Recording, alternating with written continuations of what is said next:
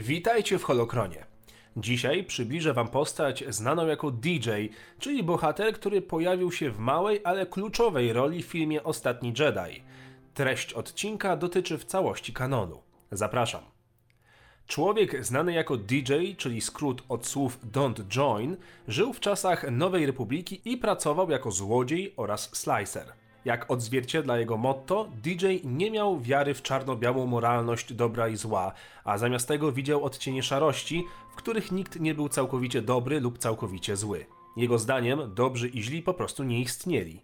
W walce ruchu oporu i najwyższego porządku widział jedynie dwie strony tego samego medalu. W pewnym momencie DJ zamieszkał w mieszkaniu położonym w Kanto Bight, mieście położonym na pustynnym świecie Kantonika, planecie znanej z kasyn i torów wyścigowych. Miasto zmieniło się w plac zabaw dla DJ-a, gdzie używał swoich umiejętności slicera do okradania bogatych klientów kasyna. Stworzył także postać o nazwie Daniel Strange, znanego gangstera, dla którego DJ miał być wspólnikiem.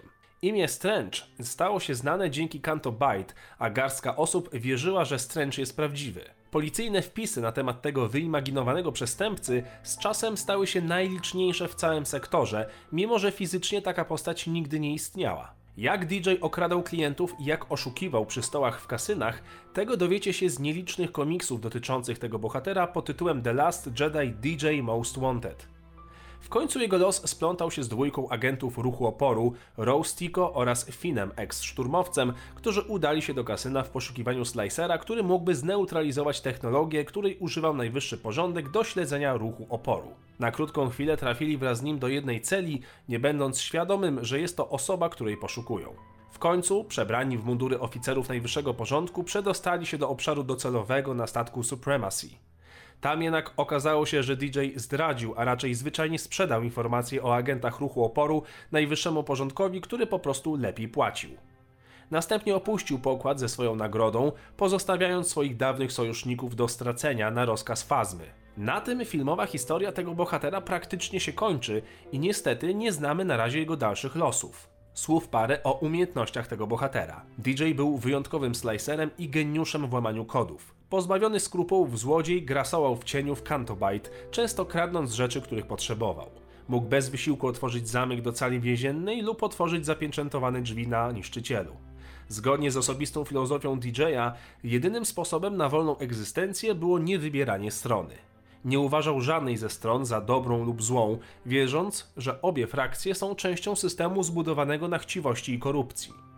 Jest to jedna z wielu ciekawych i intrygujących moralnie postaci, które mogły wzbogacić dość czarno-białą galerię bohaterów sagi, póki co jednak postać nie jest aktywnie rozwijana. DJ to postać grana przez Benicio del Toro w ostatnim Jedi z 2017 roku. Ciekawostką jest, że Del Toro był wcześniej obsadzony jako Darth Maul w filmie Mroczne Widmo, ale opuścił projekt po tym, jak George Lucas bezceremonialnie wyciął większość kwestii Maula. Reżyser Ryan Johnson rozważał wykorzystanie Lando Calrissiana do wypełnienia roli postaci w historii, ale uznał, że Calrissian miał silniejsze przekonania moralne i nie zdradziłby bohaterów.